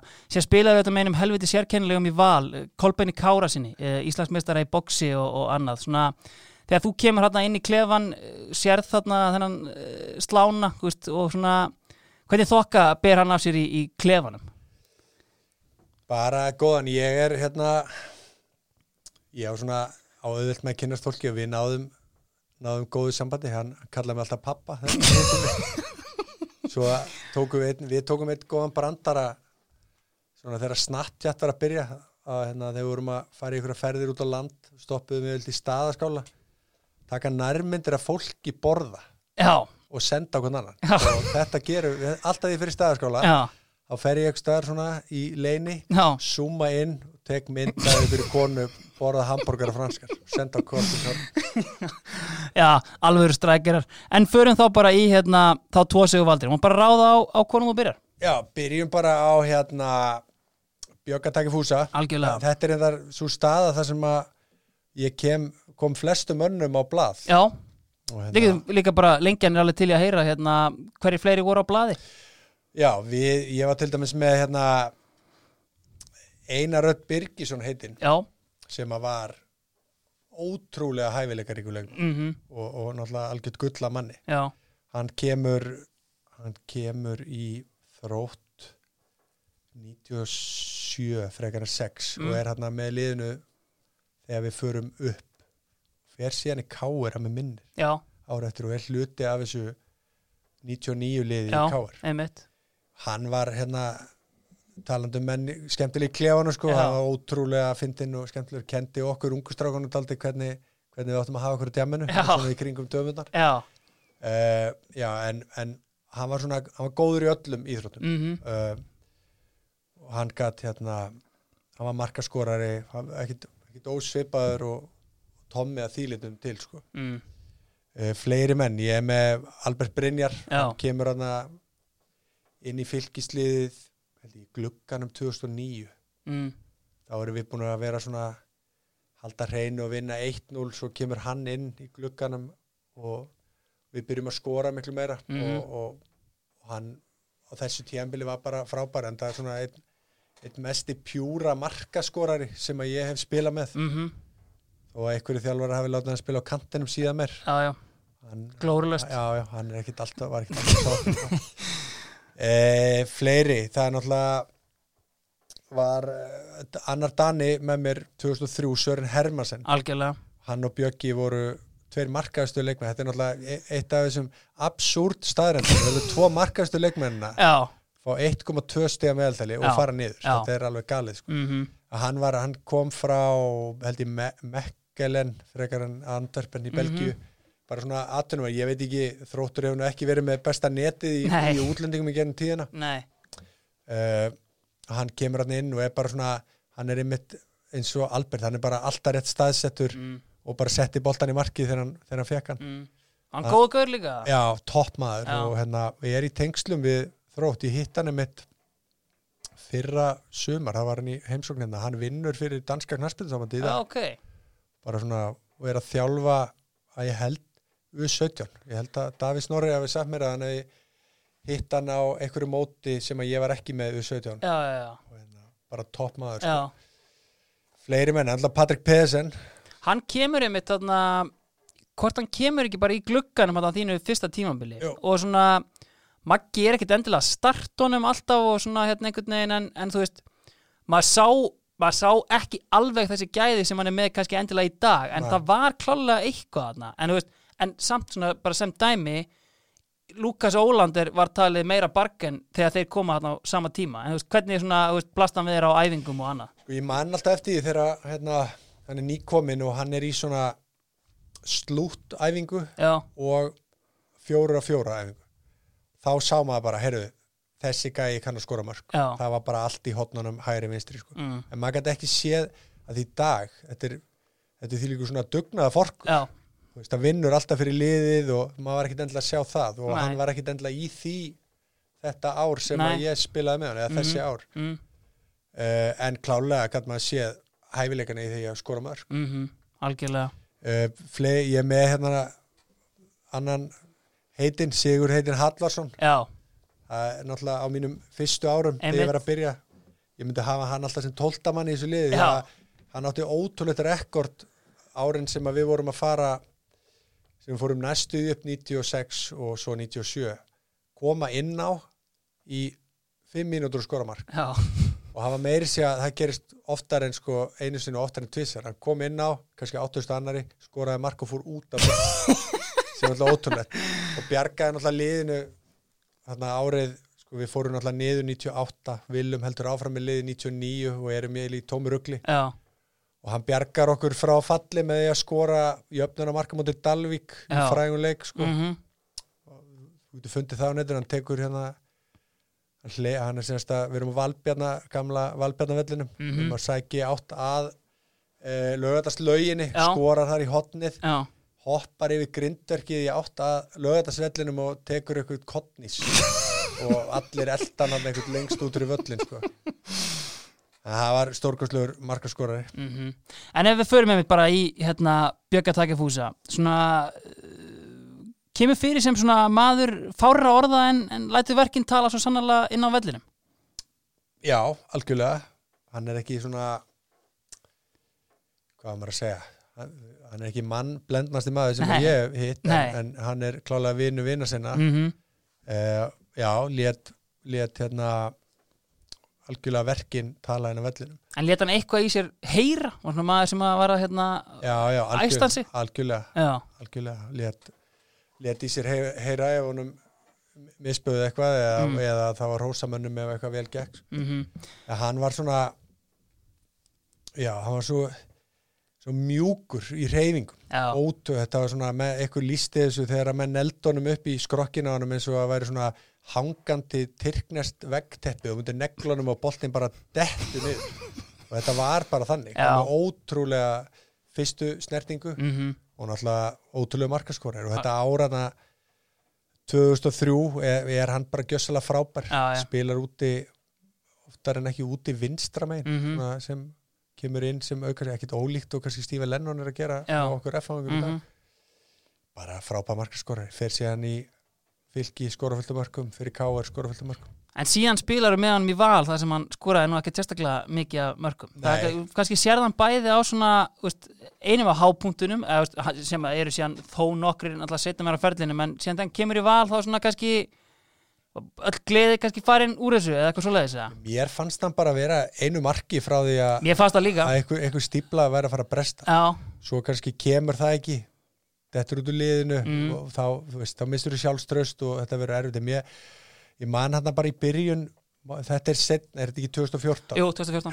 þá, þú veist, ég man bara við spiluðum hann að spiluðum mútið stjörnunni. Mm þetta er árið sem stjarnan verður mistari þú veist, þá á hann dauða færi bara undir lokin hefði getað tryggt okkur sigur í þessum leik. Já, þú veist, og maður hafði tilfinninguna bara að þetta eina mark hefði geta geta búið til eitthvað einhverja röð marka hjá honum einmitt, nákvæmlega.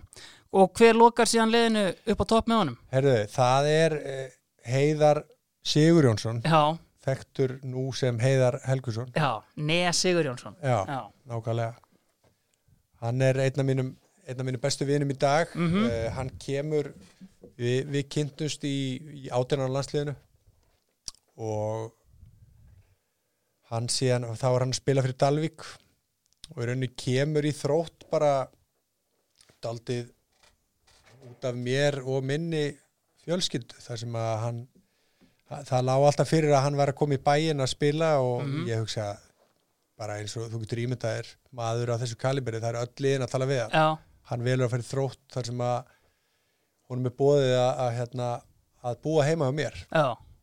þannig að Hvað er hann gamall þarna? þarna þetta er, hann kemur 95 Já. þá er ég búin að spila eitt ár í Já, meistarlöki 18 ára. Já. já.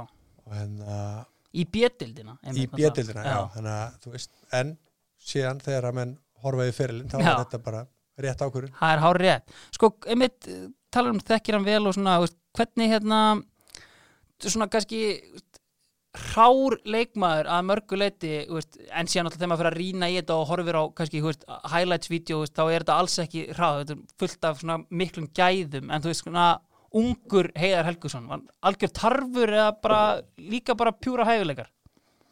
Ég myndi segja bara náttúrulegur kraftur, hann átti mjög margt eftir ólært þegar hann Já. kom. Hann var náttúrulega bara í því að fá rauð spjöld og hann, var bara, þú veist, hann hefði hoppað fyrir strætó til að ná boltanum, Já, þú veist, hoppaði alla tæklingar, vesti óvinnu markmannsins, hann gjössanlega tók markmennin og slátraði já, eins og Oliver Kahn þekki Já. Ólfur Já. kann þekkja vel og svo Já. náttúrulega einn, einn góðu vinnur okkar dag, Axel Gómez, Já. þekki það vel. Bílasalinn, gæti ekki, já. já, bíla, hann er bílaleigu Já. hann er hjá Avis Já, hann kemur, Axel Gómez kemur inn í þróttana 96 Mhm. svona þegar ég er hans farin að gefa eftir hann sem ungu maður og kokki já, og smá reynslu, þá er náttúrulega við félagarnir sko, herruðu, látum ekki eitthvað gamlan gamla spánveri að koma þetta inn og taka stöðuna þá var stundu spila ungi gamlir, þá neldi ég bara háum yfir og, og heiðar fór bara challenge það í gamla kallin og hérna, já Og hvernig tók Gómez sinni það? Var hann lettur með þetta? Já, já. Já, já, við erum, við erum góði vinnir í dag, sko. Já, þetta var bara svona hérna, En þú veist, það er ekkert komið á óvart hvað Heiðar hefur náð langt á sínum ferli. Já, náði, hann alltaf hættur. Neða, hann er náttúrulega bara hann var náttúrulega einstakur karakter.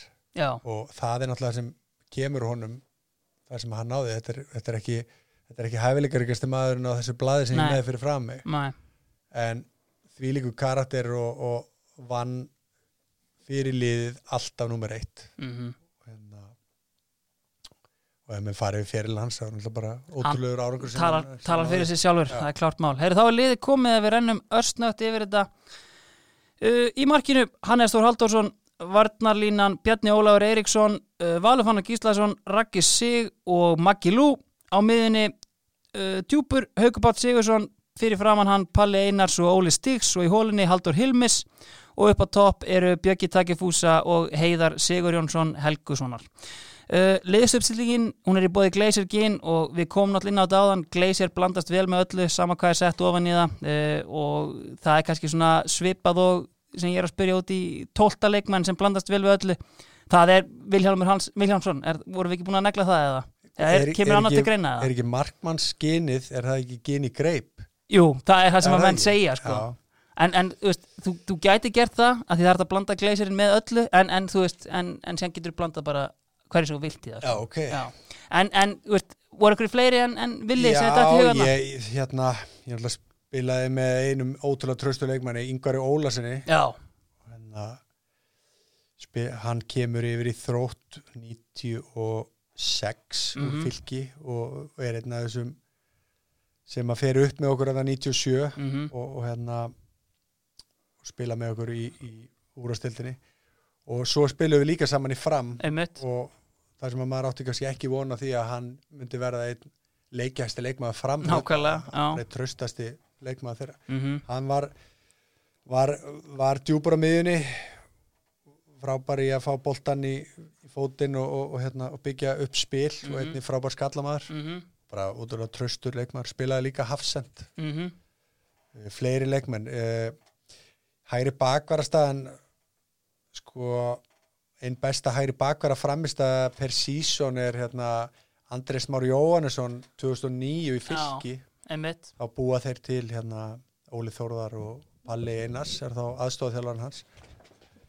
Búa til hérna hæri bakverð úr Adda, hann er búin að vera fremst í miðjumæður alltaf og, og hérna komið þessu kring ásamt í að búa til miðjumann úr Áskeri Berki. Já. Hvað var hann áður? Bara, Áskeri Börkur, já, hann var eitthvað kantur eitthvað tóm þvælamar voru, voru Selfoss á lán Já. og kom tilbaka og skoraði ekki neitt mm, en þeir, þetta var mjög klókti á þeim að sjá hana, sjá eiginleika þessar leikmanna að Áskei Börku geti hlaupið endalust og, og tæklað og hérna, ég veit nú samt ekki hversu oft Óli þurfti að stoppa æfingu til þess að banna hann að renna sér því að hann var bara að gefa, gefa aukarspinnur bara hæri vinstri hæri já, já, já.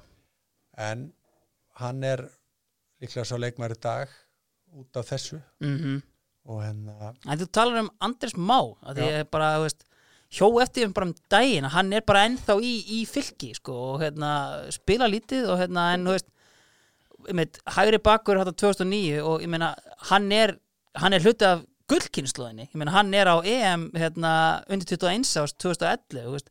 sástu kannski meiri framtíð en hann hérna kannski náði á endanum já, hann fer, hann fer út eða ekki fer út Haugefoss ef ég mann þetta rétt sko. Hönefoss Hönefoss, Hönefoss, mögulega já. Uh, já, ég hef alveg getað séð hann fyrir mér ná einhverjum árum í Nóri eða eitthvað slíkt sko. Hann, Mhm. hann hérna og bara, býtu, hann er fættur hvað? Ég held sér 88 88, þannig að hann er bara 21 ást þetta ár. Já. Og fer ekki út þarna, er það? Held ekki sko. Nei. þannig að hann hefði rauninni átt að vera pikkaður upp þarna. Já, einmitt. Við, er endar, við, við erum ekki búin að fakt checka neitt hérna þannig að það geti vel verið að hafi farið út hérna en, en þú veist, Andres, þú verður bara hérna eh, ræða þetta við mig. Já, en svona, ke- komum kannski að því hver, hver myndi þjálfa þetta lið? Það er náttúrulega áskýrir heitin Eliasson, það kemur engin andi greið Nei, þú veist, bara svona oft talaði mannin sem svona, þú veist, kannski þú veist, öðri sér en aðrir, þú veist, varandi taktist upplegg og annað, þú veist, gerir Rúna Kristins að bakver í landsliðin og svona, þú veist en svona kannski fyrst og fremst geggjaði náungi. Já, bara ótrúlega manneskja, Mm. ásker og bara það er margt í honum sem ég sé í loga Ólasinn í dag. Já, og hérna, ég náttúrulega er íþróttakennara mentis og þeir báðir. Mm, og eru, þeir eru svona sko menn fólksins. Það eru allir jafnir fyrir þeim einhvern veginn þegar þeir tala við þá. Og ég man það með með geira, þú veist, hann gaf öllum gaf öllum sjens uh, hafði þessa eiginleika mitt sem þú segir með eins og að gera Rúna Kristins að bakveri. Þetta Mm. sér hann bara eitthvað og er óhrættur að gera já, ég meina ég man eftir einu mómenti uh, við erum með bakvörð í þessu liði 2003 sem að heitir Ólafur Tryggvason. Mm, sem að hafi bara unnið sem húsverður í káarheimilinu eða eitthvað, var að æfa með okkur bara góður í fótbolta. Það er engin kannski fattað að hann geti spilað þessa stöðu og hvað þá á því lefilega spila í eftir já, já, já, þetta hérna gatt ásker séð fyrir sér og náttúrulega var í rauninni, myndi ég segja, undan sinni samtíð varandi taktík algjörlega á pari við það sem að gerist í dag. Mhm, en kannski varandi já, líka litt form og annars slíkt sko. Það virtist vera svona minni áhersla á það allan að hjá hérna, liðinum hans, kannski svona sé, í setni tíð í hans þjálfaratíð sko. Já, hún er fannst alltaf bara hún er fannst alltaf gaman í reyt og ég hvet alla til þess að fara og skoða myndbandi sem að formaður reytaboltasambands Íslands Ásmundur Haraldsson gerði um, um konung reytaboltans á Íslandi Ásker Eliasson það er bara, er, er stórkustlegt mm, uh, hann gæti oft glemt sér bara bara fyrir mér eitt og svo bara allt í einu hérna herðu já, það eru 50 myndu liðnar æfingur bara því að hann var með og hon- honum fannst svo gaman sko. Svo var ég mann eftir einu mómenti sko, þá var þetta er hvað 2001 eða eitthvað svo leis Já. þá var eitthvað lenska með þetta í jakkafötum í leiki. Mm, sem ég hef strenda frekar hall- hallast og þá eru uh, þá er hérna fyrsti flokkur sem er varalið Já. meistarflokks eða undir 23 Undir 23 þá eru þeir að spila eða hvort að þeir voru á æfingu þegar við vorum mæti leiki. Hann mætir í jakkafötin og svo að sjálfsög vantar einn. Í reitt hver fer út í jakkafötunum? Áskir Eljarsson að sjálfsög hann setti það sem honum fannst gaman alltaf fyrir framann eitthvað annað já. svo er líka sko náttúrulega stórkostlega saga, hún er náttúrulega hún er betri þannig að segja að hann hafi verið allsber en líka Já. var hann á nærbuksunum Já, þegar hann held töflufund á gólfi búnisklefans í, hérna, í nýja þróttaraheimilinu með skákmönnum. Þar sem hann er bara með peð og hróka sem hafsenda og bakveri og, og miðumenn og liggur hann á gólfinu bara nakin, segjum bara nakin já, algjörlega. Eitt sem ég verið að pæla í svona með kannski markmann uh, Áttu þér einhvern svona bóki leikmann, þú veist, ert að fara að spila við einhvern og hugsa að þú veist, þessi er alltaf helviti erfiður. Er einhver svona, þú veist, minnistæðir frá ferlinu sem áttir erfiðara með að hérna að spila á móti, veist, er þetta eitthvað sem markmenn almennt hugsa út í eða er þetta bara að fá þessu skot og, og standa fyrir? Nei, maður kannski hugsaði ekkert út í þetta þegar í leikinni komið en sko, ég man alltaf eftir einhverjum einhverju tölfræði eða einhverju tölumarka sko, það voru tveir menn Tryggvi Guðmundsson og Jónas Grani. Já, það voru menn bara sem skoruðu alltaf voru náttúrulega í þessu þessu frábæra þetta 2005 lið FH Já. sem ég vil menna að hafi nú bara sé líklega að besta í sögunni. Já, þá er ég í ekkit svakalega góðu liði þróttar og hérna og Grani mér sem held áfram að skora þegar maður konið fram. Já, já, hann á gullskóin hann á 2007 sko. Þannig að þú veist, já, þessi tveir þessi tveir. Já, algjörlega. Og síðan kannski svona áður en við klárum þetta talar áður um kannski útlendingalotto hjá þrótti hefur verið erfitt uh, en er einhverju svona eftirminnilegustu útlendingar sem að hérna, þú manst eftir frá ferlinum, kannski af slæmu frekar en góðu Hvað, ert þú ekki með eitthvað annað á blæðinu? Ég er með náttúrulega, Tonni Mavetti sem er datt í hug sko síðan náttúrulega, spilaði með Peter Gravesen Já, já, hann Já. er hérna á lista Er hann á lista? hann er, var hérna í vinstri bakverðinum hann var endar fengið þetta sem sem miðumæður, var ágættis miðumæður en svo, svo var hann færður í, í bakverðin ekkert tíðan og Mm. það var bara hans staða, Já. frábæð vinstri bakverður mm. hann var snarvillu sko. En ekki ja, rugglaður og bróður en hann var fín, hann var ágætis hann var erfiður en, en hann var góðu leikmaður. Mm uh, David Hanna Já, var hann að gaurinn sem held daldið svona strengjónum á Kristjánu Valdimarsinni já, svona þessi típiski skoti ekkert Mhm. ósvipaður Barry Smith hérna Mhm. hjá Val. Fleiri. Það er stórkoslega saga af einum hérna þegar, þegar þróttur er í örvendingu sinna að reyna að bjarga sér frá falli 98 þá já, allt í einu kemur hérna kemur Vilum, þá er leikmaður frakki, Klót Kovi hljóma, þetta hljómar ótrúlega vel. Klót, Já. frakki maður spilaði Chile, minni mig. Heru, hann spilar á miðunni, hann settur í lið spilaði grindaug á heimaðalli töfum 6-1 já, hann var tekinn út af hálfleik. Hann hafði, ég held að hann hafi aldrei á ævi sinni farið í tæklingu. Hann var náttúrulega bara gjösnar tekinn bara á jarðað já, svo man ég að hann var ekkert í hóp sko, var náttúrulega samning og vildi fá launin.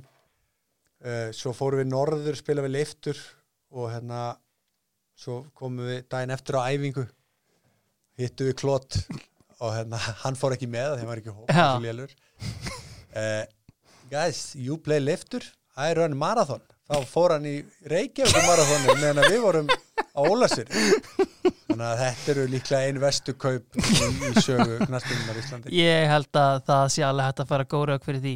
Herðu, Fjallar, ég held að við séum bara tæmtir. Ég hérna, vil þakka þið bara kærlega fyrir komuna í draumalið. Já, takk hjá fyrir mig Þú ert að hlusta draumalið í bóði lengjunar.